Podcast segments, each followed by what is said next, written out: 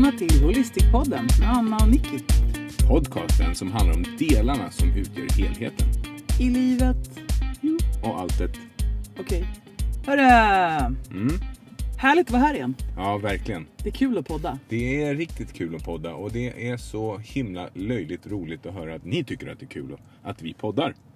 Det är väldigt kul med feedback, ja. Ja. Precis. Och eh, höra att folk lyssnar och funderar och tar till sig och återkopplar. Det är väldigt, Ja. väldigt kul när man får höra att jag har ju lyssnat på eran podd nu och jag Mm. tänkte så här. Det är jätteroligt. Så fortsätt gärna göra det. Maila, hör av er. Mm.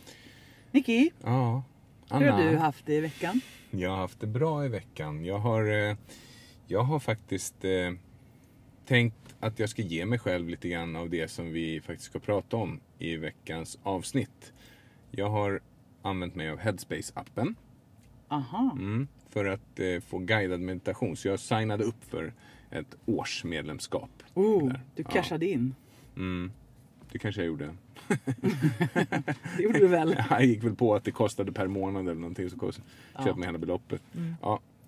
Men den är jättebra. Jag gillar Headspace och det, det, är liksom, det ger en skön känsla direkt efter att man har gjort de här meditationerna. Jag tror att om man gör Vad ofta- gör den appen? Den appen har, den är så himla finurlig. Om man pratar om mindfulness så handlar ju mindfulness om liksom aktiv närvaro kan man säga. Man, Mm. man är aktivt närvarande i nuet och det gör man ju till exempel genom att meditera och när man blir guidad genom en meditation då är det oftast lite lättare att komma igång och så får man ett schema. Och då, har, då finns det olika teman. Man kan prata om självförtroende, det kan vara eh, självkänsla, det kan vara skuld och skam och massa sånt. Och då, då går man liksom olika program kan man säga. Jätte- Vad bra. Ja, det är smart. Den på Det är engelska. Utbildning och... eh, Mm, och så är det små, små videosnuttar, animerade videosnuttar som beskriver vad som ska hända och så förklarar de hur, hur, hur, vad sker i hjärnan och vad händer när vi gör så här och så vidare. mhm. Så man har basics först och så börjar man från grunden. Kul! Och vi är ju inte sponsrade av Headspace utan det är du som tycker att det är en Ännu. bra. Nej. Så vad gör, den, vad gör den för dig? Nej men den skapar lugn och ro och den här mentala återhämtningen. Alltså det skapar någon form av lucka i tiden. Mm. För att vara lite filosofisk. Härligt. Mm. Och sen så har jag pratat med min eh, kära mor och far som bor nere i Kroatien. Och pappa är ju krasslig och behöver ju sin form av återhämtning. Han får ju påfyllnad av blodplättar och blod och så här. Och när han har fått det så blir det tydligt att han verkligen har återhämtat sig. Eh, och innan det så märker man att nu är han trött. Så det går lite upp och ner där. Mm. Hur var det nu då? Var det upp eller ner? Upp, verkligen. Han hade varit eh, på stan tillsammans med mamma och ölat, som han sa. Det låter upp. ja, men precis. Vad spännande. Min vecka har faktiskt gått i samma tecken av någon anledning. Jag har också ägnat mig åt eh, lite så här återhämtning. Mhm, hur då? Har du legat i sängen? Nej, Nej. nej men så här var det. Mm. Ibland, jag får ju erkänna då att jag borde ha lyssnat på kroppen lite tidigare. Mhm. Men det kom saker i vägen. Mhm. Som vad då? Som det gör ibland. Ja men det kom en massa uppdrag i vägen. Ja, du menar jobbuppdrag? Absolut. Alltså Okej. det är uppdrag. Nej, men det dyker ju upp saker med jobbet och det är så här, nej, men nu ska vi bara göra det här och sen ska vi göra det här och sen så har vi den här grejen som vi måste åka på. Mm. Eh, och då har jag känt ett behov av att nu skulle jag behöva vila lite grann. Mm. Men få göra det sen. Mm. Och sen så dyker det också upp saker kring barn och skola och fritid och vi är mitt i att eh, flytta från en lokal till en annan. Mm. Vilket också kräver liksom lite insatser Mm. i form av planering och ritning och roddning och så. Ja, verkligen. I alla fall. Så Mm. då jobbade jag på tisdag. Jättekul. Superbra. Och sen kom jag hem. Och då var det bara liksom stopp. Mm. Så då fick jag ta en Ipren och gå och lägga mig och bara tokkraschade. Alltså toksomnade. Och sen när jag vaknade så åt jag upp allt som jag fick syn på. Så förstod Vad, jag... vad åt du då för någonting? Ja men först åt jag en sallad som du kom med och sen efter det så var det så här, vad mer, vad mer kan jag äta för någonting? Vad mer kan jag... och, och så åt jag väl i stort sett allt jag fick syn på. Det brukar bli så där för mig. Mm. Att plötsligt så är det som att nu måste du ta med fasen göra någonting och då blir det den där... det- jag tycker, Bingeade? jag tycker, nej men det är inte så farligt. Jag tycker det är en härlig känsla att, jag tror vi hade godis över från helgen. Så jag käkade upp massa godis. Mm. Jag tycker det är ganska skönt. Så här, Krascha, sova. äta alldeles för mycket godis på en vardag och så bara känna att så var det idag. Vet du, jag tror så här att om man tillåter sig själv att göra det eftersom du, det, är ingen, det är ingenting som sker vardagligen liksom för dig hela tiden. Men om, om det sker ibland, om man då tillåter sig själv att göra det. Att liksom, fan, nu är det så här, jag, jag trycker på.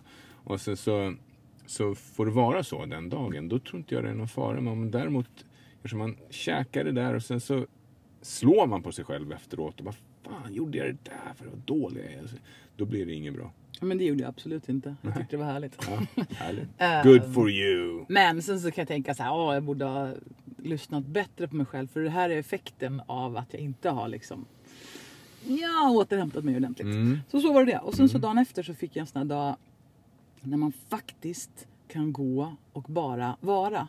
Mhm. Det inträffar ibland. Mm. Och för mig så innebär det att man kanske dricker lite kaffe, lyssnar på någon podd, Mm. städar lådor och skåp. Har du någon favoritpodd som du lyssnar på?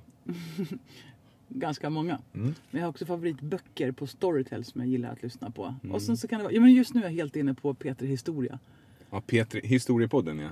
Ja, den heter Petri Historia. Historia. Ja. Den är jättebra. Den är helt Mm. fantastiskt kul att lyssna på. Det är liksom det ena ödet efter det andra. Varje program är ungefär en timme långt och det är ju fascinerande. Mm. Grymt. Ja. Mm. Nej men att städa lådor och skåp är otroligt vilsamt tycker jag. Mm. Så då gjorde jag det. Och så bakade jag lite bröd och lite rabarberpaj och kollade på hunden. Och... Sen när absolut ingenting måste hända. Mm. Och man bara går omkring och smågrejer så man känner sig lite halvnyttig ändå. Mm. Det gillar jag. Mm. Mm. Och på tal om det då. Så är ju ämnet för idag Mm. återhämtning. Mm. Verkligen. Och jag tänkte så här att om vi pratar om återhämtning så är det en form av omsorg för sig själv Mm. och att även kunna ta omsorg om andra Mm. människor.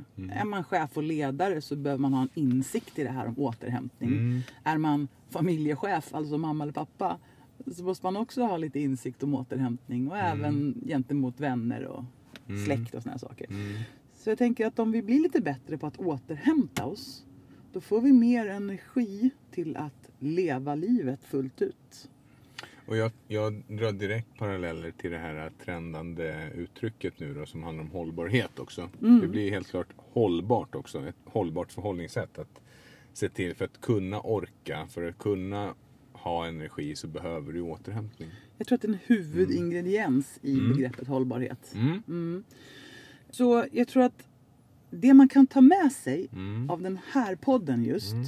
det blir att vi ska prata, vi har verkligen tänkt till här. Mm. Vi kommer att prata om hållbarhet ur ett holistiskt perspektiv. Mm. Kan kom- du utveckla? Jag kan utveckla. Vi kommer att prata om återhämtning efter till exempel träning och aktivitet. Det känns ju som en ganska självklar grej. Jag tror att det är en av de grejerna som man spontant tänker på. Mm, självklart. återhämtning, ja man må- måste, liksom, i alla fall om man är någorlunda träningsintresserad. Så, ja men det är viktigt med återhämtning. Om man ska ha ett återhämtningsmål och så vidare. Mm.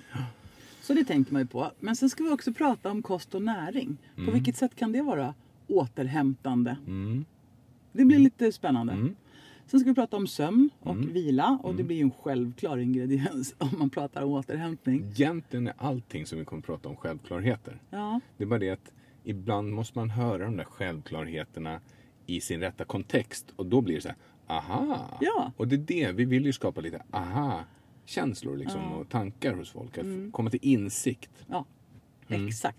Sen ska vi också prata om tankar. Vilka Mm. tankar är inte så återhämtande och hur kan man göra för att få återhämtning för sina tankar? Mm. Den är ju spännande i och med att tankemaskinen är på 24-7. Mm. Mm. Så ska vi prata om känslor. Finns Mm. det känslor som är mer återhämtande än andra? Hur kan man i så fall få fram dem? På beställning helst. Mm. Vi ska prata om beteende.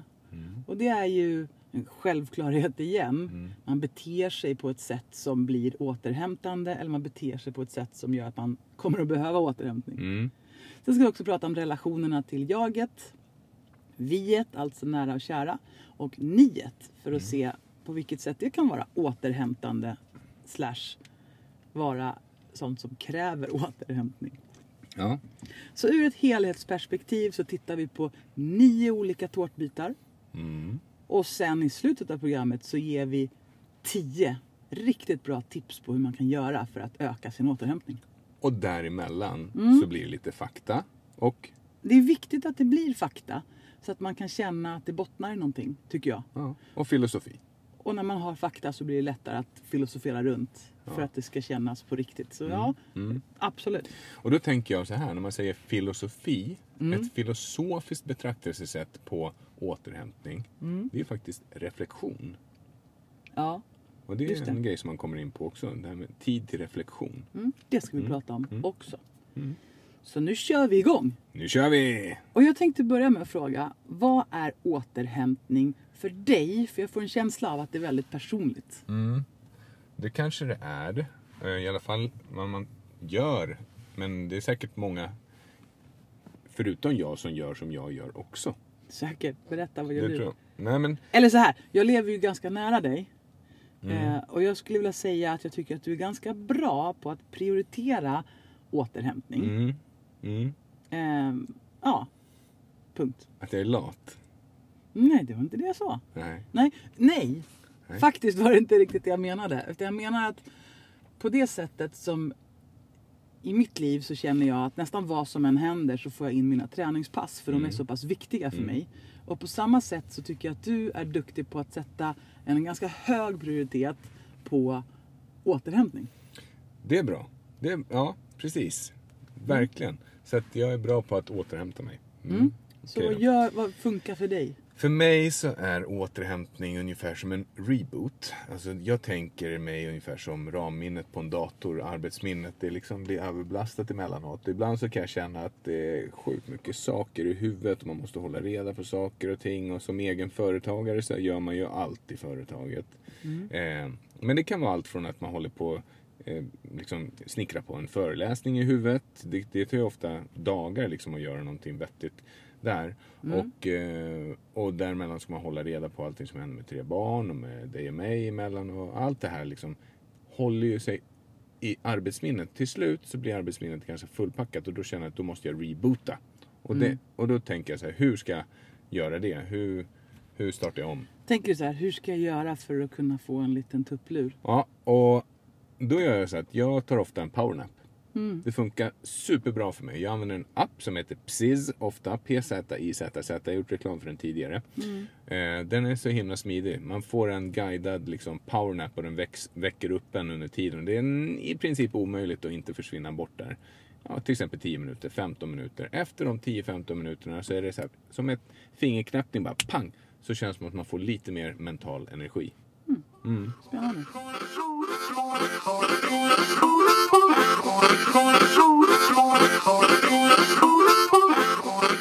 Brukar du gäspa lite efter lunch?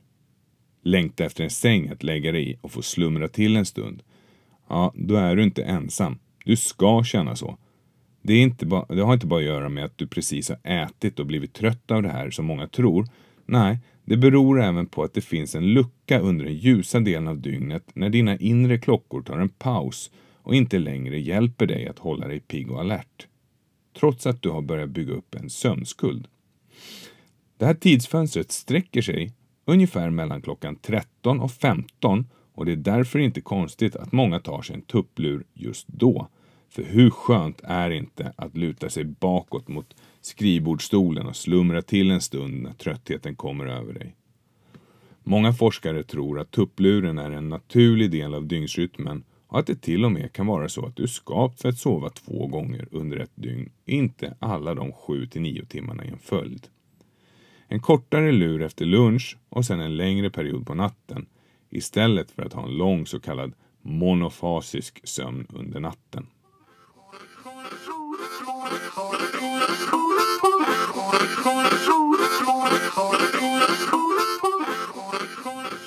Förutom det så funkar ju träning för mig också väldigt eh, rebootande.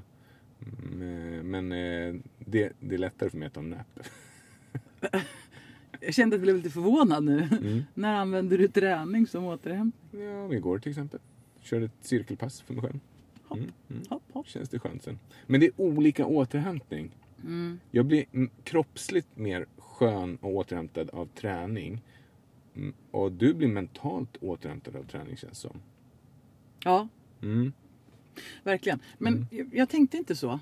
Nej. För jag tänkte, när jag, alltså återhämtning för mig, Mm. det är ju, nummer ett är ju sömn. Det liksom är ju magiskt bra. Och det har blivit så pass viktigt så att jag hatar att bli störd när jag sover. Därför att man vet att får man bara en natts sömn, då löser sig det mesta. Jag vet. Men om man blir störd på natten, typ om en hund ska klafsa in och undra vad man gör. Ja. Det, det blir inget bra. Nej. Så sömn är nummer ett. Mm.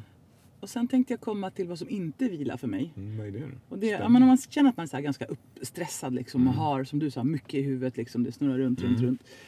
Det värsta jag vet då, det är när folk säger Men sätt dig i soffan och ta det lugnt. Mm. Och jag tror att jag talar inte bara för mig själv Nej, det tror inte jag. när jag säger att den funkar inte för alla. alltså, det är inte det effekten blir minsta. lite tokig. Ja, det är Mm. inte det minsta lugnande. Så då, i de lägena för mig, så är det mycket, mycket bättre att sticka ut och träna. Därför att då rensar man bort hälften av det här Mm. stöket i huvudet. Eh, annars så tycker jag att återhämtning, det är ju att göra en sak i taget. Mhm. Och sen göra de där grejerna som liksom egentligen inte är nyttigt för någonting. Till Mm. exempel baka för mig är väldigt mysigt. Mm. Med att det inte är så intimt kopplat med prestation. Mm. Mm. Och även att uppehålla sig med ja, men att städa skåp och lådor. Då. Mm. När man tar fram en låda och tömmer ut på golvet Mm. och så är det ett jädra stök. Och sen är man liksom bara där vid de här små sakerna. Man Mm. Ja, kollar vad är en penna, pengar, vad kan det mer vara? Badrumsartiklar, Mm. papper, kvitton. Och så sorterar man och slänger bort och så lägger man tillbaks och så känner man så här att, jag vet inte, det, Mm. det är skönt. Det är härligt. Sånt gillar jag. Så den typen av återhämtning funkar för mig. Mm. Eh, och sen som sagt var, krascha och äta Mm. funkar när det är som allra tokigast. Det är grejen liksom. Ja, Mm. absolut. Sen tänker jag återhämtning också det här som man gör för mig alltså efter träning, alltså rent fysiologiskt vad man ska tänka på och sånt. Så det, är, det är de här andra bitarna liksom. Men det är mer faktabaserat. Att bara för att vi råkar vara pålästa på det så vet man så här, vad behöver man göra för att återhämta sig efter en aktivitet och så vidare. Jag tror att för mig handlar det väldigt mycket om att bara kunna släppa taget Mhm. om saker och ting. Och det är inte alltid så lätt, tycker jag. Då känns det som att återhämtning för dig handlar väldigt mycket om det mentala. Och alltså känslomässiga. Alltså psykologiska tårtbiten. Mm, det tror jag. Mm. Det tror jag. Att kunna släppa taget. Och därför är det återhämtande för mig när vi åker bort. Mm. Då åker man bort och det känns som att ja, men nu är vi här. Jag kan inte göra så mycket liksom, just nu. Nej, det blir en, eh, liksom, om man kan säga så, påtvingad acceptans. Ja, verkligen. Och den där to-do-listen hamnar ju liksom ganska långt borta. Mm. Så det är också det är, det är ett magiskt ord som Mm. jag jobbar med. Mm. Ja. Snyggt. Mm. Bra. Men om vi börjar då att prata om det här alldeles mest självklara. Mm. Återhämtning efter aktivitet och träning. Ja, just det. Mm. Då är det ju så här, dagen efter träning är det ju inte ovanligt att man känner sig sliten. Och eh, till exempel om man tränar hårt eller många pass i veckan och sådär. Och då är det så här, hur sliten man beror, beror ju till stor del på hur hårt själva träningspasset har varit. Och då kan man påverka den här återhämtningstiden på lite olika sätt. Mm. Mm. Så har du hört talas om till exempel open window? Nej. Nej, okej. Så efter ett träningspass så har man något som man brukar kalla för open window. Det vill säga att då sjunker, först under träningspass, då stiger kroppstemperaturen, alla processer drar igång. Du kan ju ha ungefär samma kroppstemperatur som du har när du har feber. Men sen direkt efter träningspass, eller sna, snart inpå, så sjunker immunförsvarets förmåga. Och där har du ett open window, det är ett öppet fönster i immunförsvaret som gör att du blir lä- lättare mottaglig för infektioner och sjukdomar och påverkan utifrån. Och då är det till exempel så här, om du kör ett stenhårt eh, träningspass och är helt slut och sen så direkt efter så sticker du till dagis och hämtar upp dina små barn. Då är ju risken ganska stor att du kommer att ta med dig en förkylning därifrån. Vad fan. Mm. Och i de här lägena, om man vet att man är känslig för de här, att man blir förkyld ofta, eller man, när man har tagit ut sig så blir man krasslig. Där, de har liksom lite extra behov av att kanske ta ett återhämtningsmål där man vill ha lite proteiner och kolhydrater snabbt i anslutning till träningspasset. Eller att man ger sig en chans att liksom coola ner ordentligt, kanske en halvtimme, timme innan man exponerar sig för massa andra människor och sånt. Mm. Vad spännande. Så om man tar ett recovery meal, stänger det fönstret snabbare då? Yes, man brukar generellt sett, det är ungefär två timmar långt där. Det här fönstret. Och tar ett sånt här återhämtningsmål så har man sett i vissa fall att man kan minska det där med hälften åtminstone. Och att det inte sjunker så långt ner. Alltså immunförsvaret. Vad spännande. Mm, Det är lite coolt. Det man vet generellt också, det är ju så här att varje träningspass Ja, är ju initialt slitage. mm, det är det ju.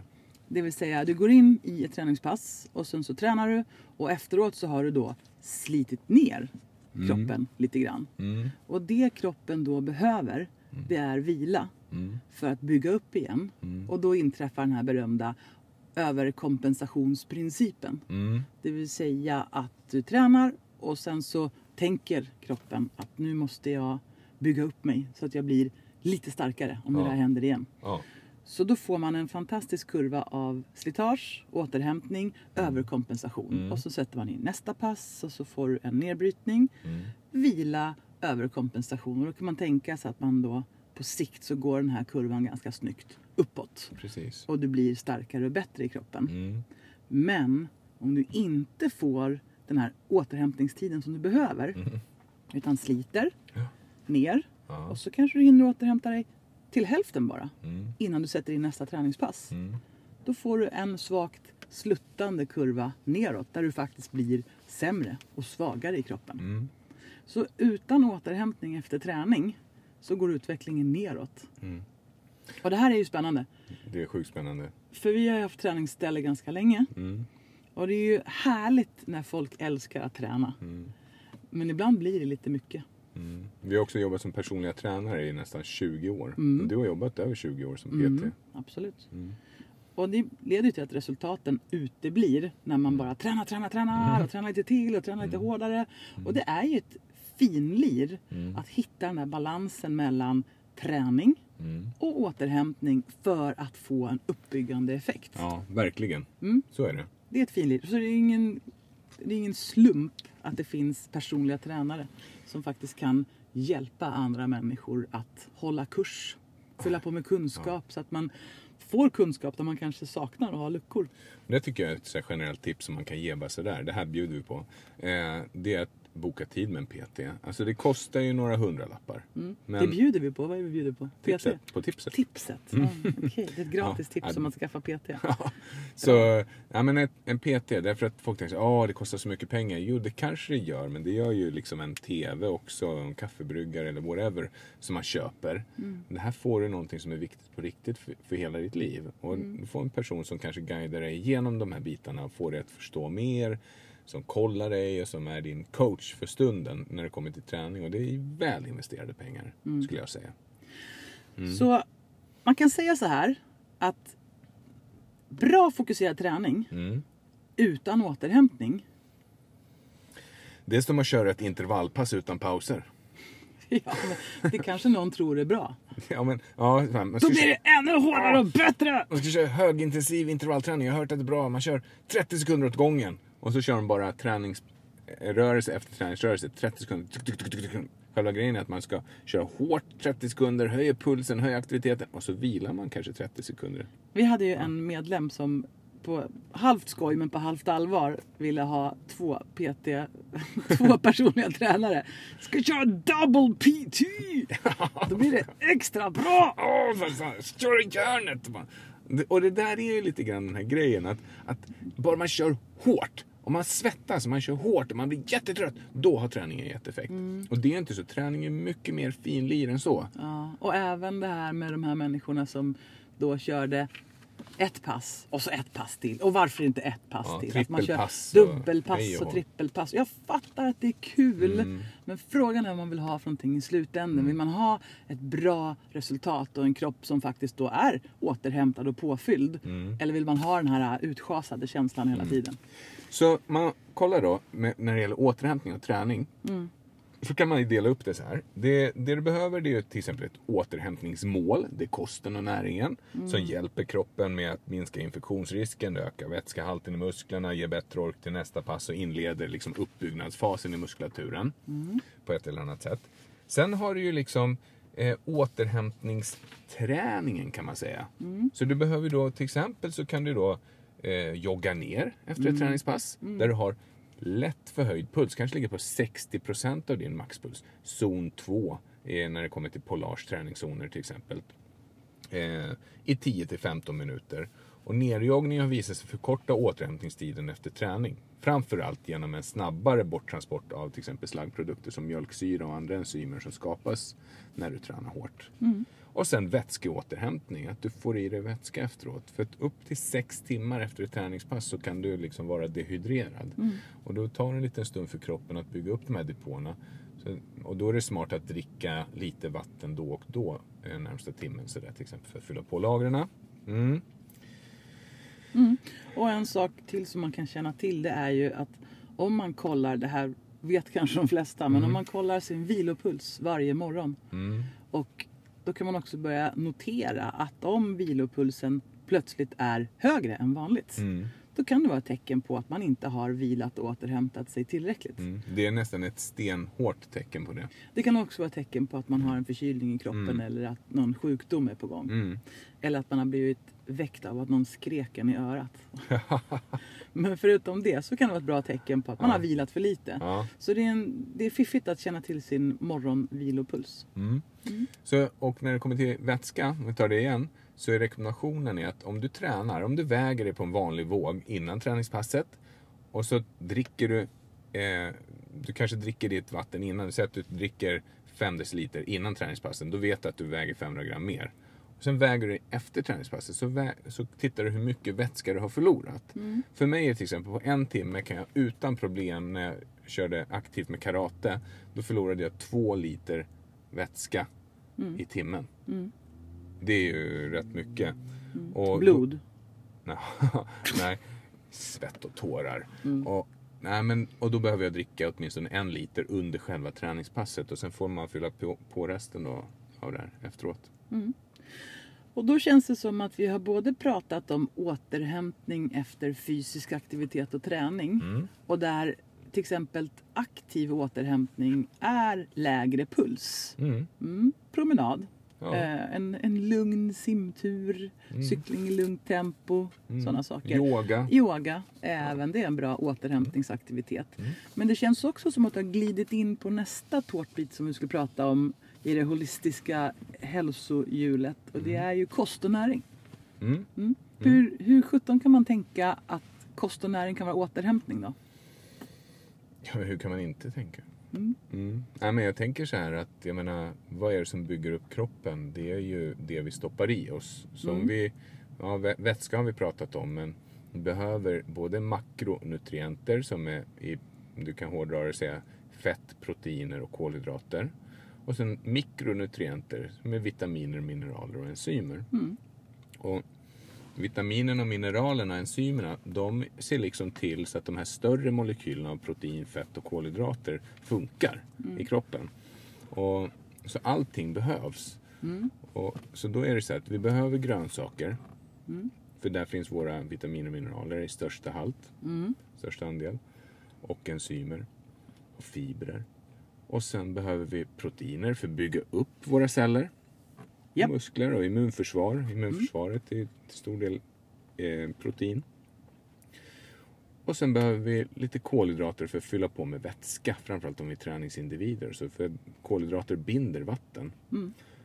Och fett är ju liksom grundbulten för våra till exempel steroidhormoner som testosteron och tillväxthormon. Mm. Så det är ju skitviktigt liksom. Det är, det är så viktigt och fundamentalt. Och då är det så här, hör och häpna. Om du stoppar i dig mat av bra kvalitet, då blir det bra kvalitet i kroppen. Det låter vettigt. Mm. Så Men då det, tänker jag så här, återhämtning mm. via kost. Återhämtning från vad då? Alltså på vilket sätt kan kost vara nedbrytande och slitsamt då? Finns ju massor med olika teorier. Till exempel om nu väldigt mycket om inflammationsfrämjande kost. Till exempel socker och konserveringsämnen, kemiska tillsatser som kroppen måste hantera för att det inte är naturligt att få i sig. Då reagerar, I vissa fall reagerar ju kroppen med allergener, eh, mot allergener så att de eh, kan få allergiska reaktioner mot, mot vissa ämnen och vissa andra produkter kan främja inflammationsprocesser i kroppen.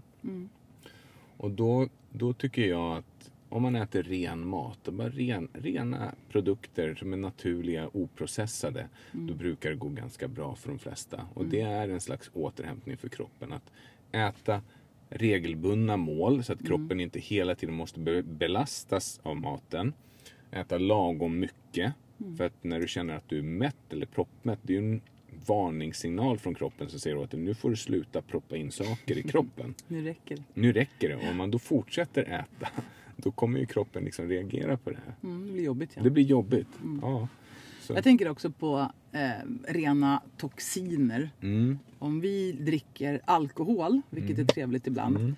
Då är det ju trots allt ett gift som kommer in i kroppen och Mm. kroppen kommer då att sätta absolut prioritet på att rensa ut giftet. Mm. Vilket innebär att om man väldigt regelbundet utsätter kroppen för till exempel alkohol, då krävs det återhämtning. Mm. Mm. Kroppen, det är inte Det har bra. ju alla som har varit bakis känt.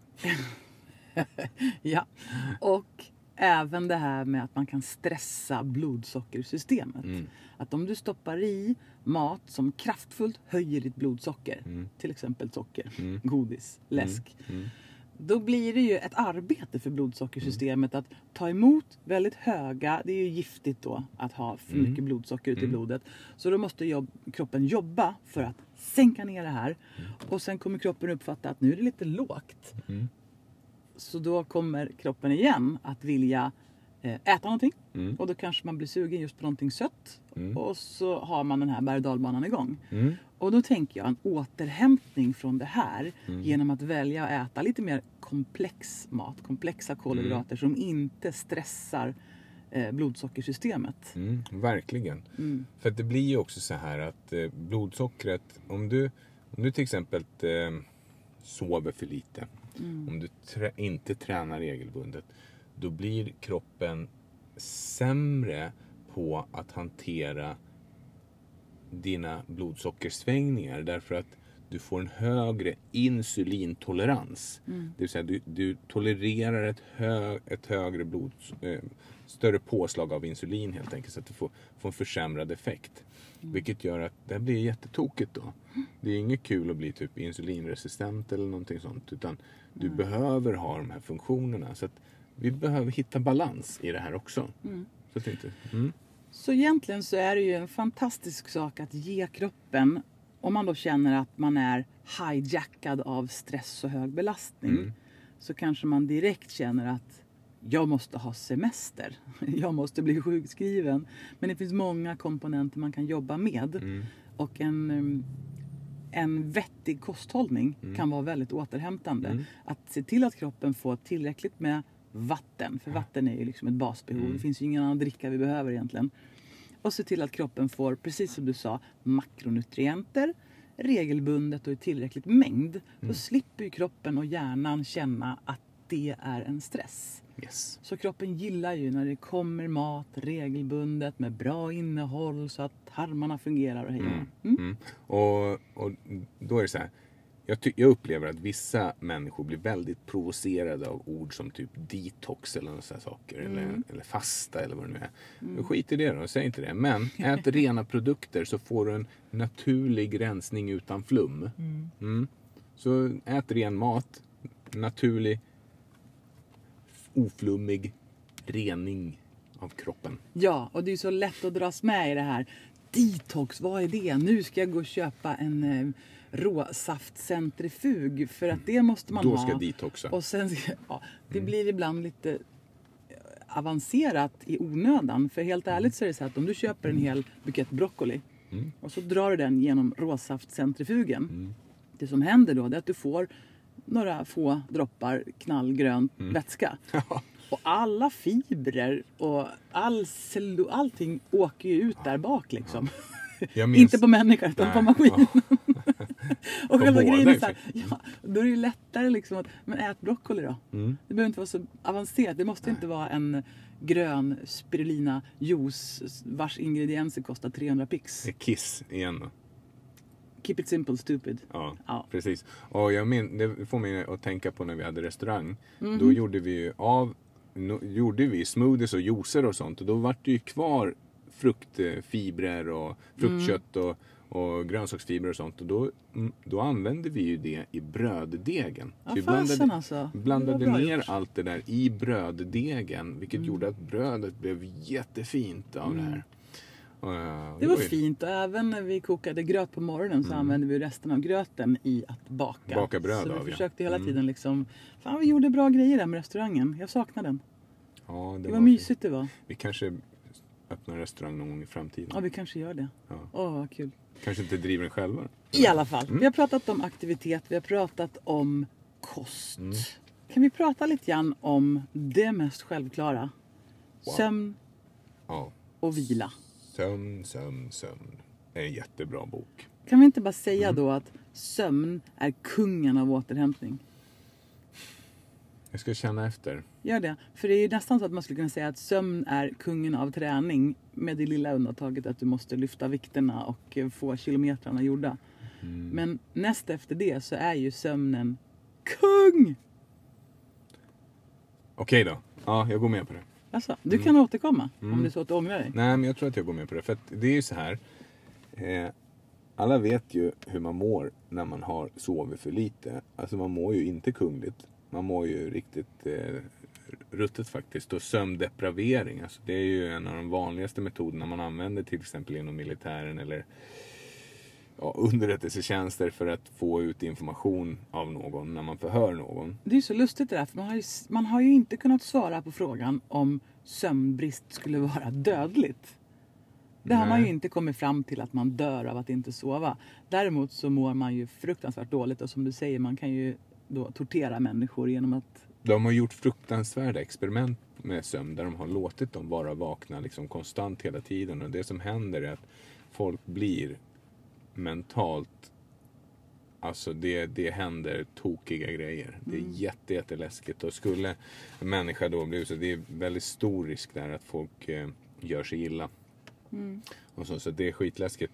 Men det man kan Man säga... tänker på alla dessa mammor och pappor som har små barn som väcker dem hela tiden Åh, under en halvårs tid. Ja.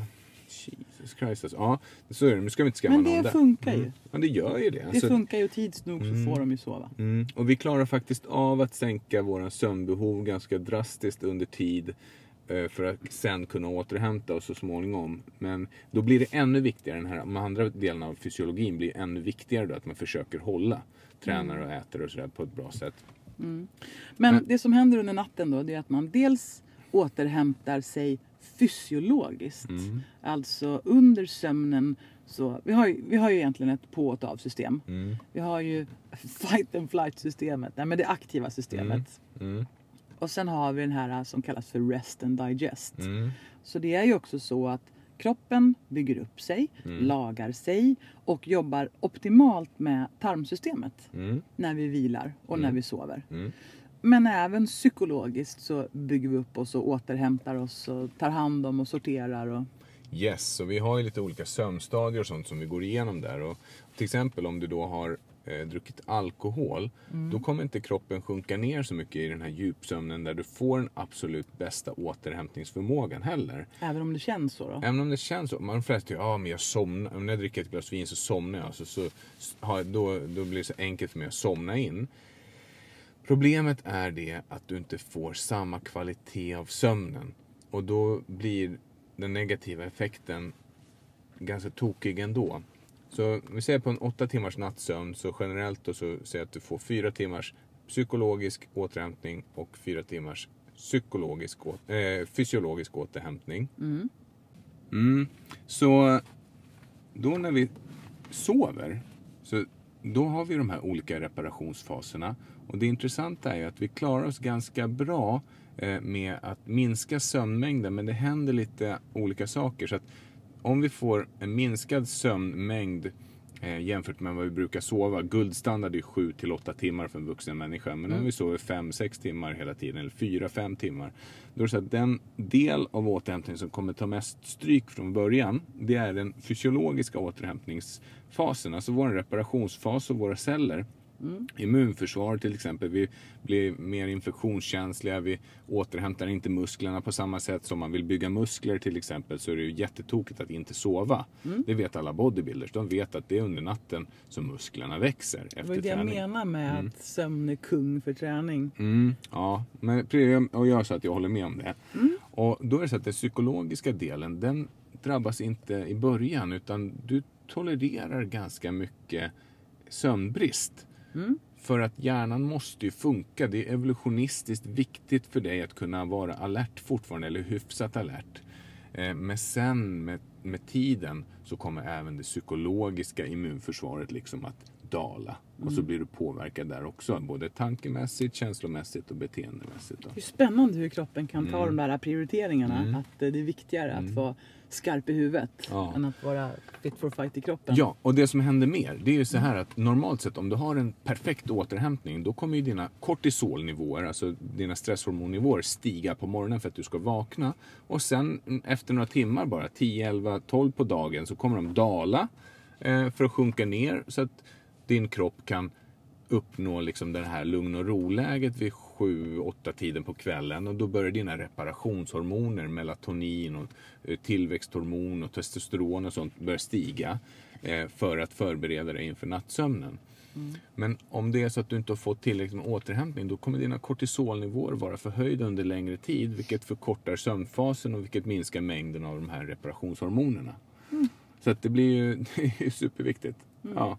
Mm. Så förutom att man ska försöka få sömnen att fungera, Mm. Vilket inte funkar jämt. Nej. Vissa lider ju av sömnstörningar Mm. och sömnproblem. Eh, och det funkar ju det med. Mm. Men det är lite jobbigt så länge det pågår. Och där kan man ju få hjälp både av mediciner Mm. och av eh, KBT-behandling. Alltså. Verkligen. Du kan också sova på eftermiddagen. Alltså siesta i medlemsländerna. Det finns en funktion med det. Det är att man faktiskt blir eh, piggare sen. Så att du, du kan ta en eftermiddagslur och lura tuppen. Så man kan vara vaken lite extra länge och partaja fram till midnatt.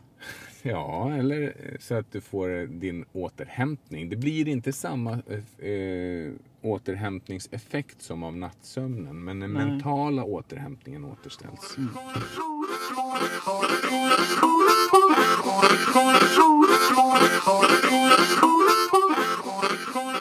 Kan man sova för mycket?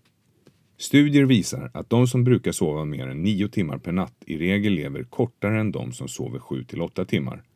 Det verkar egentligen inte bero på att för mycket sömn i sig är farligt. Nej, forskarna tror att de som sover mer än rekommenderat behöver de här extra timmarna för att kompensera för en dålig sömnkvalitet. De har av olika anledningar kanske svårt att komma ner i djupsömn och sover alltför ytligt och med ständiga uppvaknanden. De kan också lida av sömnapné, det vill säga regelbundna andningsstopp som är väldigt påfrestande för kroppen och hjärnan. Att sova fler timmar än brukligt och därmed försöka kompensera för den bristande sömnkvaliteten fungerar dessvärre inte. När det gäller sömn så är kvalitet viktigare än kvantitet.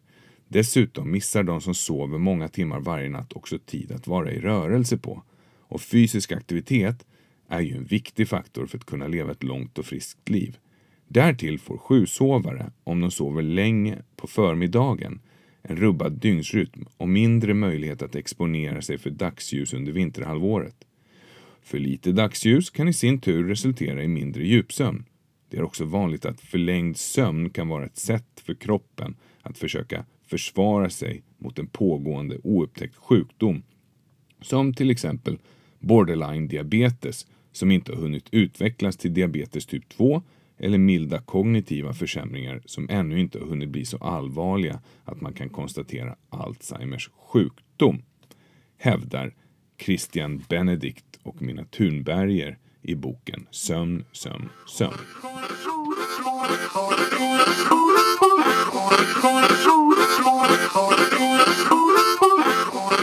Förutom sömnen då, om man känner sig ansatt och i behov av återhämtning, då är ju eh, att ta en nap. är ju fantastiskt bra och Mm. man har ju sett att det motsvarar. Kan du få en liten napp Mm. eller en meditationsstund eller någon sorts avslappning där du liksom stänger ner lite grann. Mm. Då är ju det jätte, jättebra och motsvarar x antal timmars sömn. Mm. Jag hörde talas om någon som brukade göra så här att han satte sig och vilade och Mm. gick in för att somna. Och så höll han i en sked. Mm. Mm. Och i det ögonblicket som han faktiskt somnade Mm. så tappade han skeden, skramlade till och han vaknade. Mm. Och då visste han att det var precis så mycket vila och ingång i sömnen som han behövde för att känna sig riktigt återhämtad. Jag skulle bli irriterad om det skramlade när jag äntligen somnat men kanske Nej. ligger något i det. Ja, jag brukar faktiskt göra samma trick fast med nyckelknippa eller något liknande emellanåt. Och ja, eh, Christian Benedikt som har skrivit boken Sömn, sömn, sömn. Mm. Han berättade under sin föreläsning som vi var och lyssnade på att eh, det handlar väldigt mycket om input. Så att ibland kan det också vara så att återhämtning mentalt, det, det är så enkelt som att du bara sluter ögonen. Mm. För att du tar in mest information genom synbarken. Mm. Och om du bara sluter ögonen och blundar, bara det lilla gör att hjärnan får lite återhämtning. Och sen kan du om du vill lyssna på någon skön musik. Och du kan ta andas i magen. Och bara slappna av en stund. Och då får du ju liksom en liten meditationsstund. Mm. Jag kan känna ibland när jag kommer hem, Mm. inte på något dåligt sätt, Mm.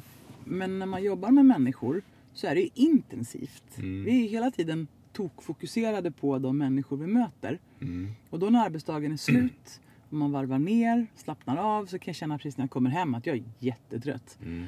Och då kan det ibland räcka med att bara gå upp på rummet, stänga dörren och liksom bara sitta på sängen eller ligga på sängen i fem minuter. Mm. Bara liksom, precis som du säger, inte ta in så mycket saker. Det är ställtid.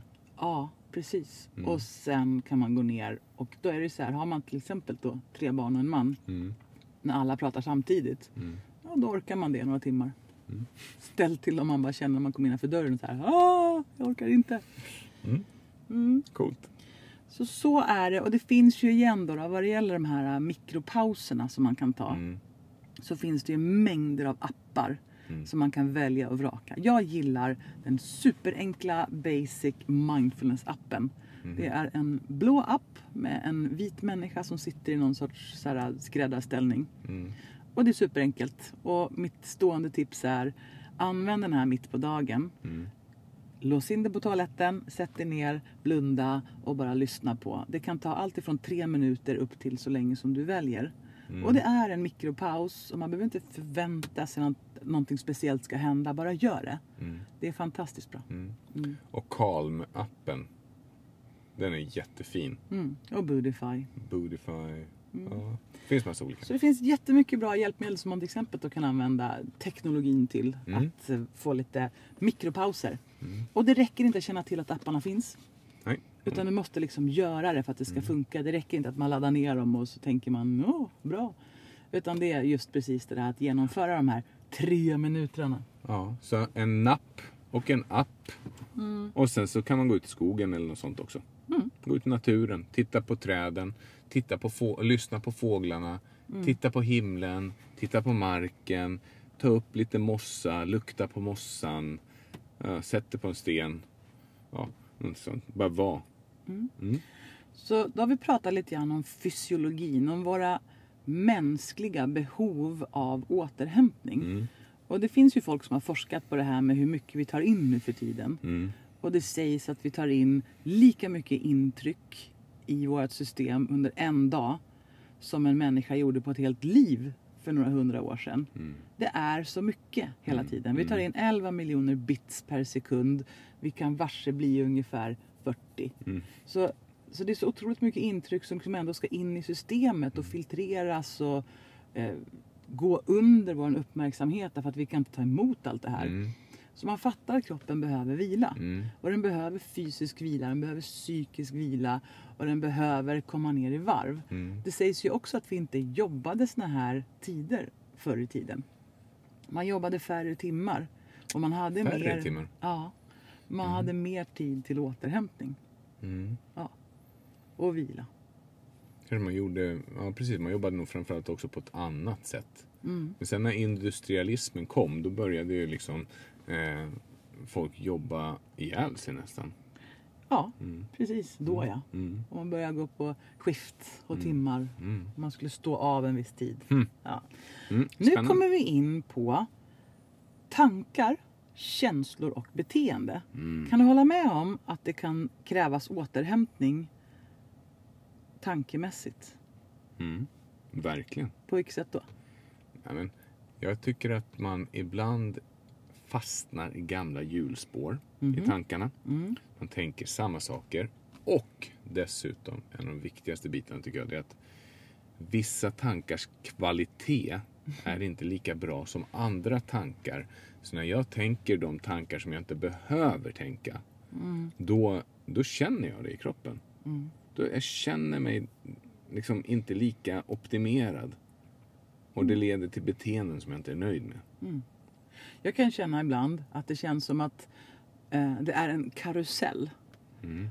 som är proppfull med tankar. Mm. Och så bara snurrar det här fortare, fortare, fortare, fortare, fortare. Man, det känns som att man har 10 000 miljontals tankar i huvudet och det bara snurrar och snurrar och snurrar. Och man får inte fatt på någon. Det är bara proppfullt och för mycket. Mm. Det tycker jag är jobbigt. Och då vill jag, då vill jag bryta det tillståndet. Och det mest effektiva då för mig, det är att sticka ut och springa. Därför att då surrar det på första halvan av löpturen. Men sen efter en halvtimme så börjar det tystna.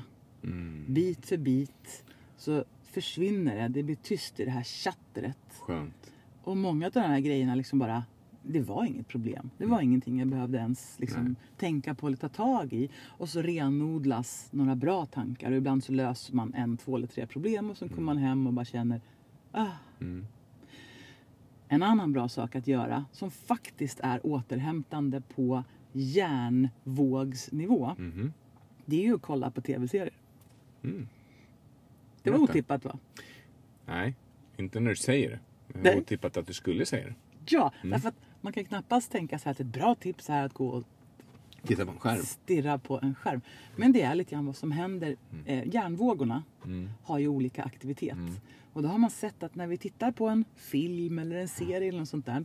Då går hjärnvågorna faktiskt ner på en ganska vilsam nivå. Vi kan ägna oss åt det där som vi tittar på och behöver inte ha så mycket parallell verksamhet. Mm. Och då är ett bra tips att sitt inte och titta på din favoritserie samtidigt som du snapchattar och mejlar. Mm. För då är det den här multitaskingen som är ganska jobbig för hjärnan att göra. Den, är, den kan ju inte multitaska. Nej, den Det är bara tokstressad. Ja. Precis, och där är en annan sak. Multitasking Mm. är en myt. Mm. Därför hjärnan kan bara göra en sak i taget. Mm. Så det som händer när man tror att man multitaskar är att hjärnan hela tiden måste flytta sin uppmärksamhet och starta om och starta om och starta om. Mm. Och det här är sjukt stressande. Mm. Ja. Mm. Så att vila sina tankar kan ju också handla om att välja, du pratar om kvalitet på tankar. Ja, Mm. Att välja bättre tankar som Ja. för en på bättre spår. exakt. Ja. Och, Och, och då kommer vi över på det som är känslor. ja, jag vill bara flika in en grej bara med tankarna där. Att Mm. Hjärnan tar ju 20-30% av den totala energimängden av ämnesomsättningen i kroppen. Otroligt nog. Mm. Så att jag menar om du tänker mycket tar du mycket energi. Mm. Mm. Också, det här har du också upplevt, att när man själv går i coaching Mm. eller terapi, Ja, herregud. då jobbar man ju verkligen. Om man går till en bra terapeut så man verkligen jobba med Ja. sig själv och leta i sitt inre och tänka nya tankar. Och Mm. Hur brukar man må efter det där? Nej, men man blir mosig och, och lite nollad liksom sådär trött och däckad. Jag har en klient som alltid när vi är klara går hem och eh, liksom eh, är helt eh, däckad efteråt. Flera timmar. Mm. Mm. Det är är ganska skönt, det är ganska häftigt alltså. Mm. Av respekt för eh, kroppen, själen. Mm. Att man är inne liksom och gräver på djupet efter det blir man helt slut. Mm, det är Jag tycker det, är, det är en sån sak jag tycker är härlig. Det är en härlig trötthet. Mm. Så det leder till känslor i systemet. Ja, Mm. och då, då får vi utmana vår teori här. Kan man alltså ha känslor som är återhämtande Mm. och också känslor som kräver återhämtning. Vet du, det kan man. Berätta. Jo, men det är ju så här att precis som att eh, viss typ av träning kan ge ett resultat och det påverkar, liksom ger, ger olika effekter, så gör tankarna och våra, eh, liksom, ja men våra tankar gör det också. Så man brukar tänka att om du tänker lösningsfokuserat, om vi inte säger att det är negativa tankar eller positiva tankar, utan lösningsfokuserade tankar, mm då är det så att då kommer du att påverka frisättningen av dopamin i kroppen. Du får alltså glädjekänslor, hoppfullhet är det som kommer att spridas i, våran, eh, i vårt system. Och det som sker när du får en dopaminfrisättning i vårt system, det är att du aktiverar kroppens reparationssystem rent biokemiskt. Vilket gör att cellerna i immunförsvaret mår bättre och du hanterar saker och ting på ett lämpligare sätt. Mm. Och tvärt emot då, om du tänker problemfokuserade tankar. Du hela tiden problematiserar, gör problem av saker, gör en höna av en fjäder och så vidare. Då aktiverar det vårt negativa känslosystem som eh, leder till de negativa känsloupplevelserna som till exempel emotionerna av eh, ilska, sorg, skam, eh, avsky och alla de här bitarna. Det leder till en frisättning av kortisol som ju är ett stresshormon som är vävnadsnedbrytande som påverkar biokemin negativt och påverkar immunsystemet negativt. Så det är ju då av naturen skapat så att man kan få en dos av stresshormoner för att snabbt kunna eh, rusa upp, göra en insats, lösa problemet och sen ska man vila igen. Och problem uppstår ju då när man duschar sig själv i kortisol från morgon till kväll. Exakt. Då blir det jobbigt. Mm. Men vi har ju fler hormoner som är fantastiska. Och själva grejen är, för jag gillar det här när man pratar om att ja, men det här är de hormoner, det här är de signalsubstanser som vi ser frisätts i hjärnan. Det blir så himla mycket att man landar i att så här är det. Ehm, och kring det kan man sen filosofera. Hur gör man då för att trycka på knappen som frisätter de här hormonerna som skapar den här effekten i våra kroppar?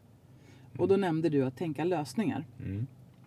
ger en frisättning av eh, dopamin. Mm. För det känns som att man, man, kommer, man kommer till skott och man, får, man genomför någonting, man går i mål. Ja, Mm. just det. Att scrolla på sin telefon frisätter ju också dopamin. Mm. Det gör det.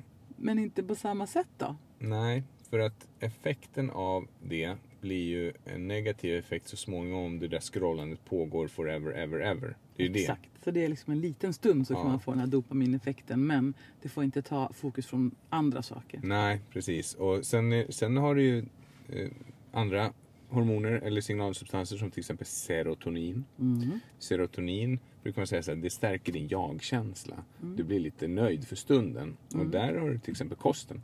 Så den påverkar ju serotoninnivåerna och även träning. Så det är ju så att när man har ätit Mm. då blir man ju lite god och glad en Ja. stund. Alltså nöjd och mätt Framförallt om och ätit så. kolhydratrik kost. Ja, precis. Man kan till och med hamna i den här paltkoman om man har riktigt tur. Mm.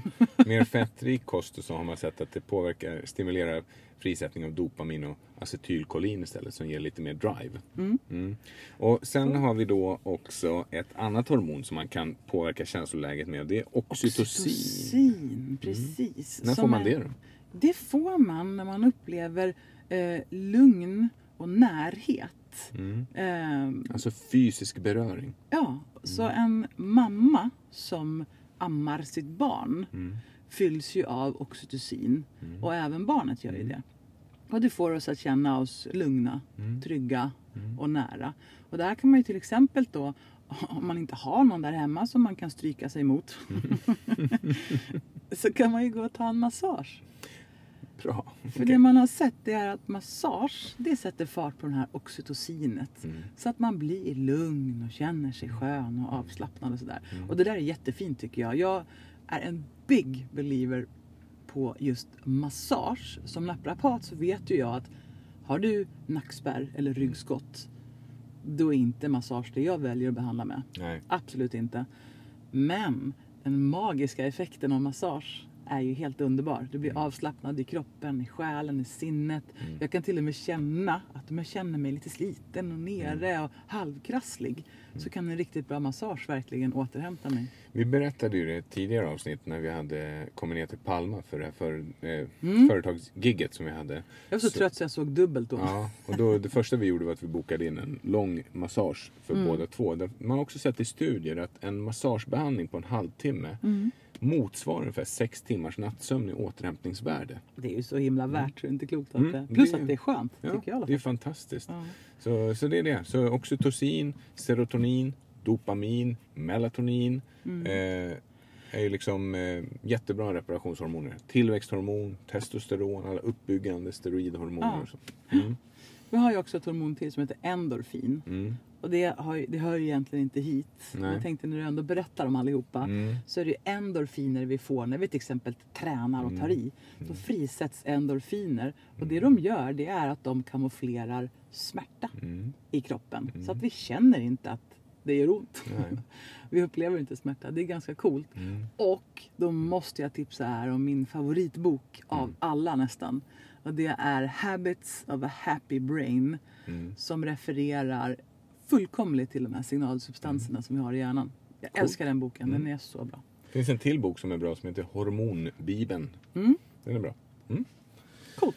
Så vi har tankar och vi har känslor och för att liksom sätta fart på känslor som, är, som ger oss feelgood och återhämtning Ja. så kan man ju till exempel då använda massage. Mm. Eh, man kan använda att kramas. Mm. Eh, man kan gosa med sitt husdjur Mm. eh, eller sina barn. Sådär. Mm. Men man kan också använda, eh, man kan också använda mat Mm. för att få serotoninfrisättning Mm. så att man får bra sköna Mm. känslor. Mm. Man kan ju också använda musik tänker jag. Mm. Musik är ju... Musik- För mig funkar det toppen. Ja, musik kan ju skapa bra saker. Mm. Jag som under en lång period tycker jag har haft jag har inte haft några problem med att få in mycket intryck i mig. Nej. Nej men så här tror jag att om man går in i väggen Mm. och gör det så stenhårt som jag gör. Då tror jag att man får något utav en känslighet, en allergi Mm. för att hamna där igen. Mm. Så man känner av att nu är det för mycket. Mm. Så för mig funkar jazz. Alltså jazzmusik. Jazzmusik. Mm. Men jag menar mer den här chill out eh, jazzen. Mm. Den lugnare varianten. Det kan jag lyssna på nästan anytime. Det funkar för mig med. Men Ja, också funkar så här. För mig är downtempo, house, eh, minimalistic techno och här saker. Det är sjukt skönt också. Mm. Ofta när jag går och shoppar Mm. så upptäcker jag ny musik. Det blir så här, "Fan, vilken bra låt det här var, så shazammar jag den. Idag var jag inne och skulle köpa handdukar. Mm. Och så kom det på en låt som gjorde att hela hjärnan började kännas som friterade popcorn. jag bara kände att jag orkar inte stänga av, jag måste gå ut. Ja men det är intressant. Det är intressant att musik kan verkligen väcka olika känslor i en. Och det tror jag handlar om pacing. Ja, Alltså att det verkligen. pacear inte ditt eh, state just då. Nej. På snabbmatskedjor så vill man ju gärna ha lite mer rockig musik och svängig musik för att folk ska röra på sig därifrån fort också. Äta upp fort och gå därifrån fort. Medan på en fine dining restaurang så har man ju lite mysig musik för att folk ska kunna sitta kvar och njuta av maten och sådär. Jag minns när Uppsalas första lite mer trendiga café öppnade. Waynes. Mm. Det fanns ju typ bara ett liksom Mm. och det var ju skittrendigt och det var Mm. jättelitet. Och där spelade de alltid musik som gjorde att man nästan satt och galopperade medan man drack sin kaffe. Och andades in passiv rökning. Ah jädrar vad de rökte där. Jäklar, Det var en ja, ganska jobbig upplevelse att sitta där och bara stressen Verkligen. pressade ut genom tinningarna. Ja. Ingen bra feeling. Och då kommer man ju till beteenden. Då kommer vi till beteenden. Mm. Alltså hur beter jag mig? Eh, och där blev jag påmind igen om ett uttryck som är väldigt bra. Mhm. Som- Hit me. Som är att leva randigt. Ah, det är så smart. Det är smart. Mm. Om man tänker så här. Att leva randigt. mm, Mm. innebär att du kanske går upp och gör en fokusboost på dagen. Mm. Du får saker och ting gjorda, du har energi, du känner sådär. Ja, bra. Sen följs det upp av en lite lugnare period. Mm. Du kanske tar en paus, går ut och promenerar, andas lite frisk luft och låter hjärnan vila. Och sen kan du gå på igen. Nu har jag ett uppdrag som jag behöver klara av här. Och så gör du det fokuserat. Presterar. Mm. och så går du på en viloperiod igen. Mm. Och det här är ett fantastiskt sätt att se på sin dag för det är lätt att man bara presterar. Det där är ju det är direkt kopplat till intervallbaserad träning också. Mm. För att du, om, du vill, om du tänker att din träningseffekt kommer av hur hög snittpuls du kan ha under ett pass under Mm. längre tid. Så är det så att du kan inte ligga på en jättehög snittpuls under lång tid för att då kommer du behöva återhämtning. Kroppen kommer säga till att du inte kan fortsätta. Mm. Men om du gör intervaller, att du ligger jättehögt upp och så får du vila. Så jättehögt upp och så får du vila. Då kan du hålla på med det ganska länge och få en jättelång snittpuls. Alltså en mycket bättre prestationskurva. Vad coolt. Mm, det är jättefint. Så leva randigt. Leva randigt. Ja. Ehm, för att påminna sig själv om att när du har presterat och fokuserat så behöver du vila och återhämta och då får du en skönare känsla till slut. Det är ett jättebra uttryck. Mm. Jag tänker på att när det kommer till beteenden, saker som man behöver göra, är att ha hållbara rutiner. Rutiner skapar lugn och ro för vår hjärna. Den gillar struktur och ordning. Så att du, att du har en rutin om att eh, den och den tiden ska jag göra det här, den och den tiden ska jag göra det här. Så att du skapar enkla rutiner att följa varje dag till exempel. Du har ju inte varit en big believer på rutiner från början. Fast vet du, det där är så roligt. Jag är inte big believer på rutiner på samma sätt som du. Men när jag har gått igenom mitt liv, då har jag märkt att jag visst rutinmässigt gör massor med olika saker. Mm. Så att det där, man behöver bara kanske definiera dem för sig själv och sen välja in de braiga rutinerna som man kanske skulle behöva mer av. Till exempel, hur får jag in träning i min vardag? Hur gör jag en rutin av det så att det blir någonting som återkommer regelbundet? Så man kan ha olika rutiner helt enkelt. Mm. Och Sen- prioriteringar. Alltså att prioritera in bra saker som skapar bra återhämtning. prioritera in återhämtningstid för dig själv. Och då finns det ju ett uttryck till som heter ställtid. Mm. Jag hoppas jag säger rätt nu när jag säger Bodil Jönsson. Mm. Ja. Hon pratade ju om ställtid för ganska många år sedan redan. Tio tankar om tid. Mm, jag gillar den boken. Jag tycker den är jättefin och värdefull. Det finns så mycket bra där i. Jäkla mycket boktips vi har gett En gammal bok men jag kan ta fram den igen och igen och läsa. Och Mm. det är ju en antologi tror jag va? Ingen aning. Jo, jag tror att det är flera olika som bidrar och har sina tankar om tid. Eh, men det här med ställtid, Mm. det är någonting som jag har varit kass på. Jag är beredd på att hålla med. Ja, verkligen. Det har det jag, fan varit. Jag har planerat in, det, när det var som Ursäkta allra värst. Mm. Då var det så här att då gick vi på Naprapathögskolan i Stockholm. Mm. Man var tvungen att jobba ganska mycket bara för att få ekonomin att gå runt. Mm. Och, och då sa jag att ja, men jag kan ha lunchpass. Mm. Och jag fattade inte hur jag tänkte. Så jag var tvungen att gå tidigare från lektionen, sprinta över halva Stockholm, byta om som, du vet, jag vet inte ens hur det gick till. Och så hade man då ett lunchpass på 45 minuter. Sen skulle man duscha. För att man var svettig. Och sen så tror jag att jag liksom sprang och åt i farten. Och när jag sen kom fram till lektionen som jag skulle gå på, då var man ju dyngsvettig igen eller fortfarande. Det spelar liksom ingen roll. Och så där gör jag ofta. Mm. Jag liksom tänker inte på att det tar tid att ta sig från plats A till plats B. Och jag kanske behöver äta. Eh, Jag kanske behöver bara, ja du vet. Mm. Jag har varit helt värdelös på det där. Jag, försöker, jag jobbar fortfarande med att bli bättre. Mm, du har blivit mycket bättre på Det det. är schysst med ställtid. Ja men det har till och med blivit så att man blivit lite rädd för att tacka ja till saker. Typ så här, du kan du göra den här saken på helgen? Och då vet man att det är så lätt att säga ja. Men den här helgen går ju oftast åt ändå till en massa saker som hamnar under epitetet ställtid. På men verkligen. Och det är väl inget konstigt liksom att man ger sig själv. Det är ju du har bara blivit smartare. Mer mogen. Det, det är jag tveksam till att jag har blivit. Men jag har fått in det i någon sorts rutinlista. Att det går inte att fylla dagarna från morgon till kväll. Maybe. Men någon gång ska jag ta fram en kalender från för 20 år sedan och titta i den. Jag tror jag kommer få stressutslag. Mm.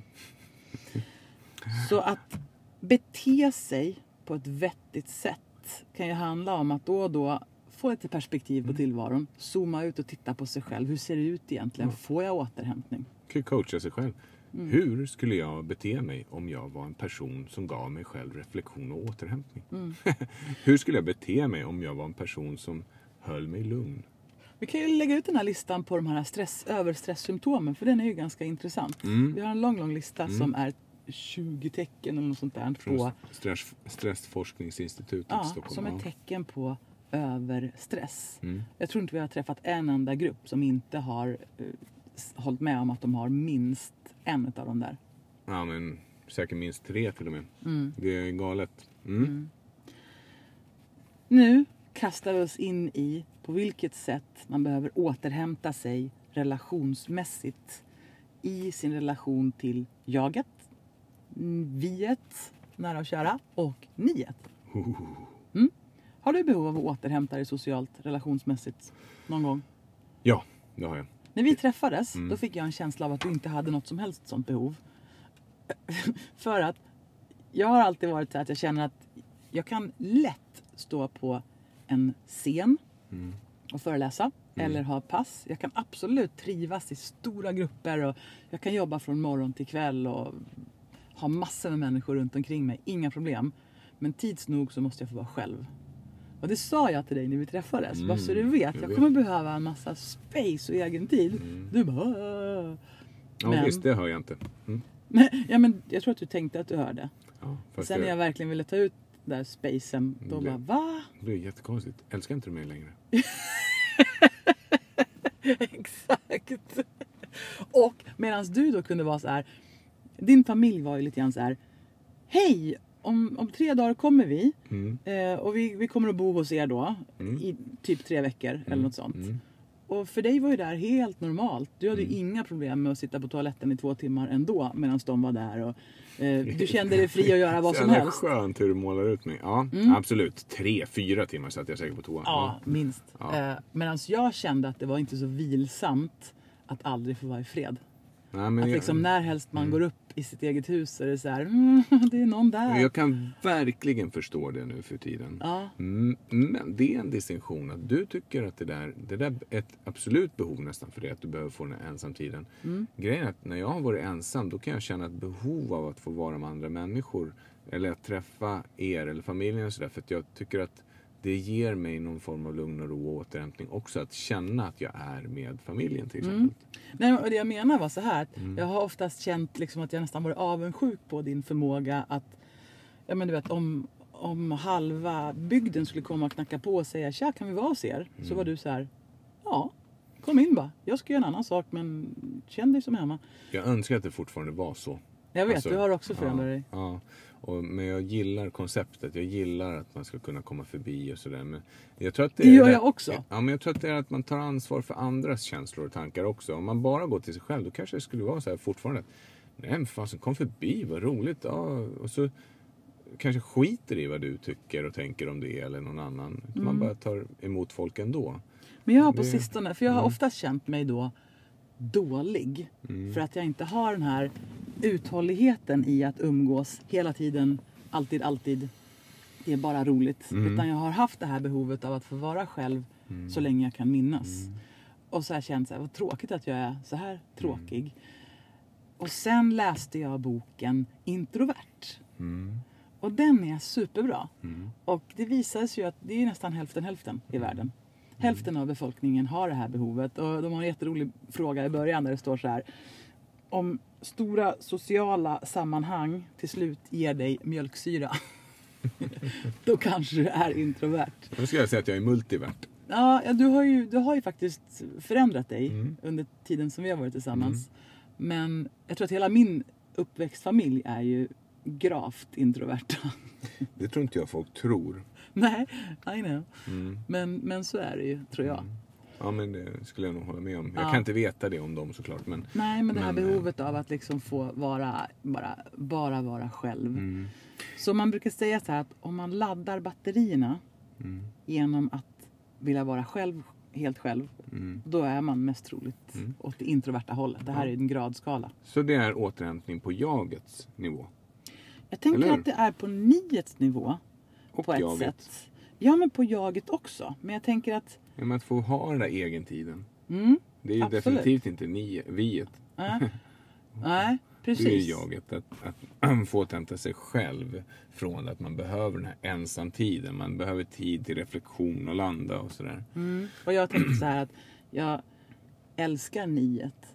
Mm. Men jag måste ha återhämtning och jag-tid för att liksom klara av det. Jag tänker att niet Mm. handlar om kasam också. Känsla av sammanhang. Och känsla av sammanhang, att, eh, det är ju en, en, ett begrepp som man använder när man pratar om hälsa och välmående.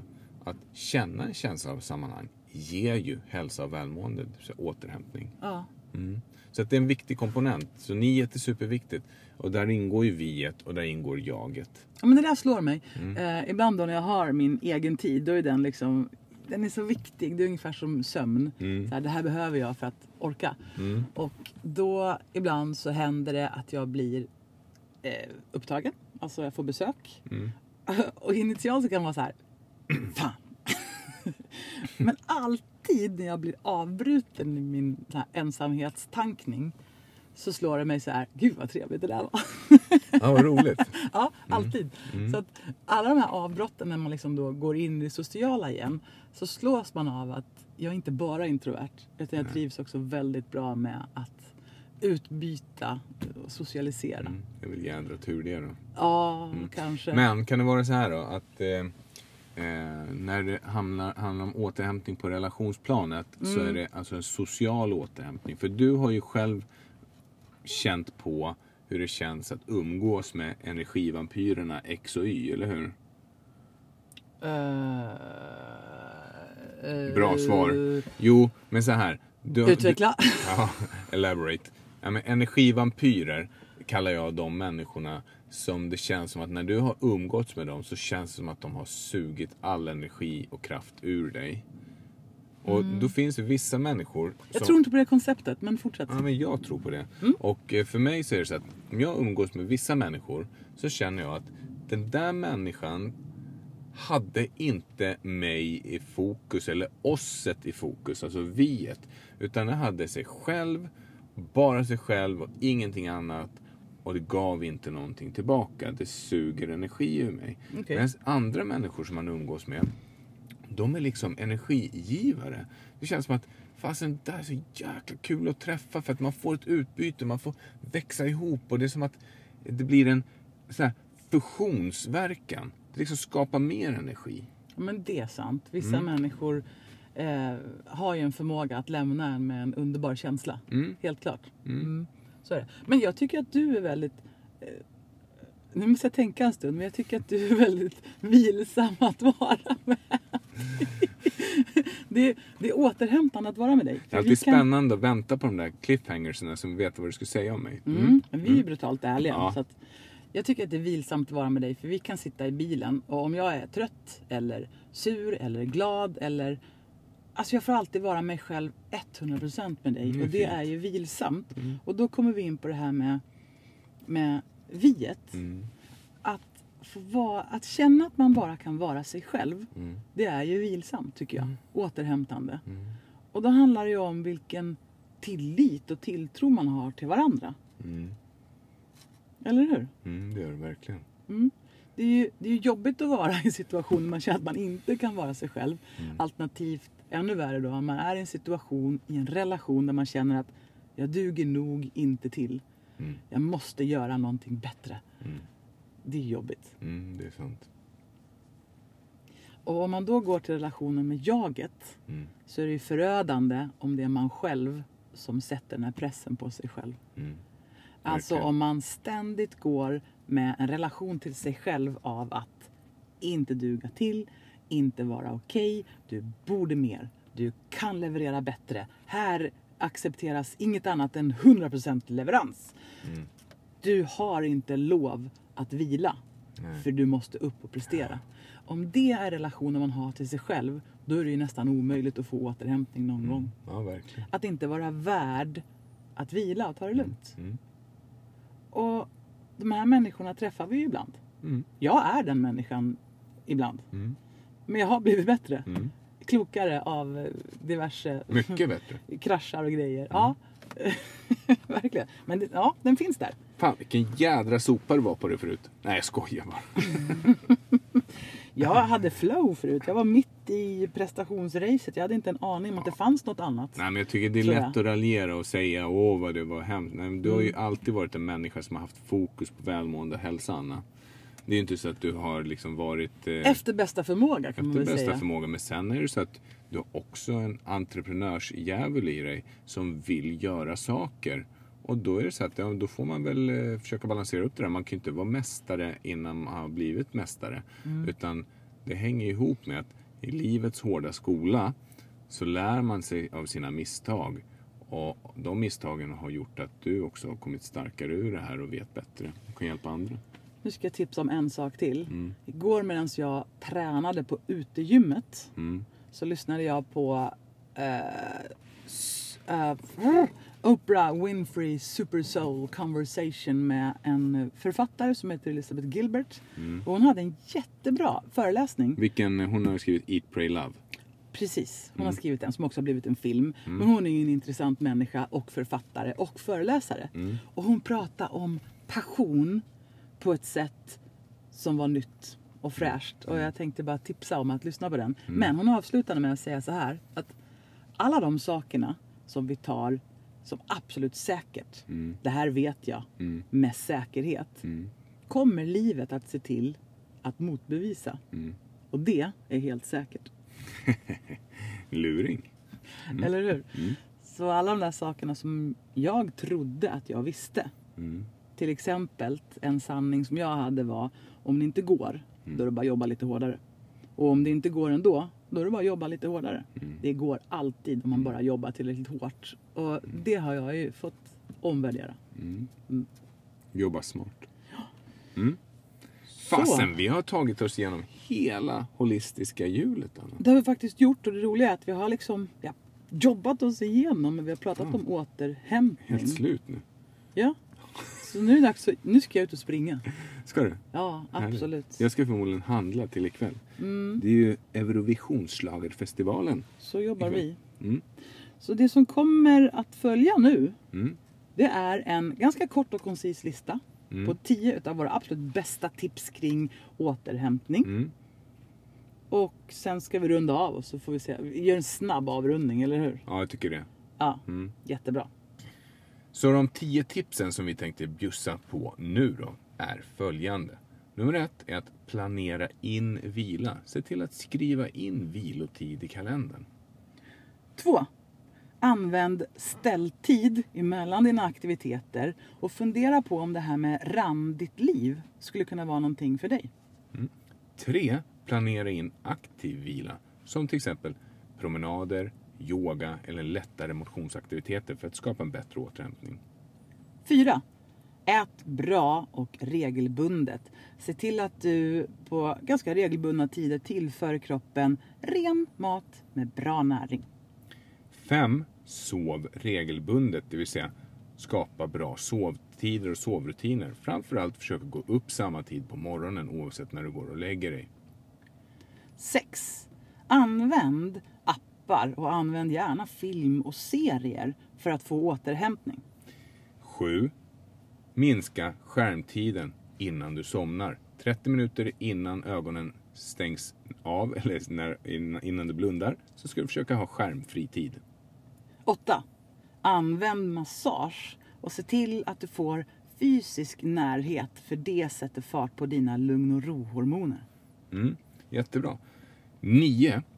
Tänk lösningar istället för problem. Använd 80-20-regeln. Fokusera 80% på lösningar, 20% på problemen. Och 10.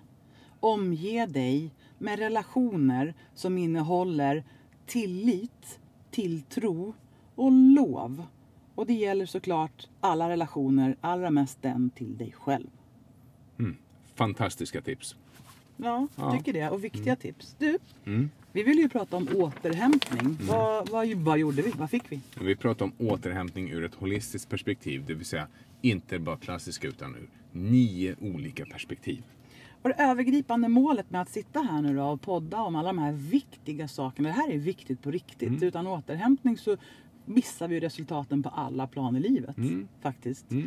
Så vad, vad är målet då? Det övergripande, stora målet? Ja, men det är väl som vanligt att skapa hopp, att ge lyssnarna insikter om att man kan göra saker för att må ännu bättre. All right. ett delmål för att skapa mer energi till att leva livet och göra det där som är viktigt på riktigt. Vad skulle det kunna vara utifrån det vi har pratat om nu? Ja, att välja en av de här tipsen och börja med det. Det tycker jag är jättebra. Välj inte alla. Mm. Ta, ta ett och se till att du verkligen går från ord till handling och genomför det. För annars funkar det inte. Du måste göra för att det ska hända något. Mm. Men du, om man blir så där trött så man knappt orkar tänka eller stå upp. Vad ska man göra då? Gå och lägg dig. på riktigt. Ja, Det är så här, om, du, om klockan är 11 på kvällen och du känner att Du är hungrig." jag är hungrig, jag måste äta för att jag är så trött. Ja. Då är det ju faktiskt så att du ska gå och lägga dig, inte stoppa i dig en macka. den är skitbra. Den tänker jag ofta på. Mm. På vilket sätt ska du återhämta dig nu efter den här stunden, efter den här dagen? Mm, jag kommer att vilja eh, laga käk. För det tycker jag är mysigt. Jag ska Mm. försöka få med någon av barnen också i det. Och, eh, Det är härligt. fan ett krig att få komma in i köket. Ja, jag vet. Men, och sen så tänker jag att jag skulle också vilja få till träning. Jag får se hur det blir med det. Jag skulle kunna tänka mig att sätta mig på spinningcykeln och köra ett eh, intervallpass. Coolt. Mm. Jag känner att jag har suttit still. Nej, det har jag inte alls det gjort. Jag har ju verkligen. gått omkring i flera timmar. Mm. Okej, jag, känner, jag har ändå en känsla av att jag har suttit still för mycket. Jag vill ut. Mm. Eh, jag tror att jag bestämmer mig för att jag ska köra mountainbike faktiskt. Det Jo, är är kul duktig och härligt och roligt. Så är det. Mm. Jag tycker det här var viktigt och spännande och bra. Mm, Som det vanligt känns- blev det lite längre än vi hade tänkt oss. Men vi hoppas att det skapar en känsla av hopp. Mm. Mm. Eller om folk inte orkar lyssna Mm. så kan de ju gå och återhämta sig en stund och trycka på paus. och sen kan de komma tillbaka. Ja, lyssna i intervaller. Ja, Måste ju inte intervall, lyssna på lyssna. hela programmet eh, direkt. Lyssna när du känner att du kan. När du Lyssna vill. randigt. Lyssna randigt. Det var roligt. Ja, men du, eh, då är det så här. Jag tror att vi är klara. Vi är klara. Nu ska vi... Nu blir det hamburgare och Eurovision Song Contest. Oh yeah! Det är härligt. Ja, men det är lite mysigt. Ja, det är som en Bingolotto. Ingen spelar, men då är det liksom alla som gör det. Kära lyssnare. Ni är verkligen fantastiska och vi uppskattar er för er känsla att vilja dela det här med både fakta och filosofi med oss. Så fortsätt lyssna. Eh, gå gärna in och ratea oss. På, det kan man ju göra där på iTunes. iTunes. kan man gå in och ratea och skriva lite saker. Det är roligt. Skriv bra då, saker. Då får, Självklart.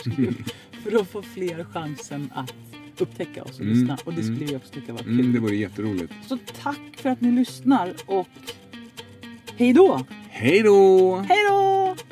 Och som vanligt så kan ni följa oss på sociala medier på formholistic på Instagram och Facebook.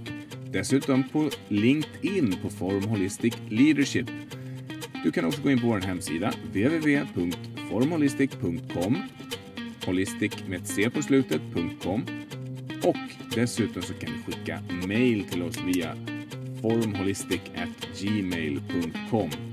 Och om du vill veta mer om hållbart ledarskap till exempel, då kan du gå in på kapacitet.se och boka kursen i hållbart ledarskap som vi håller i oktober.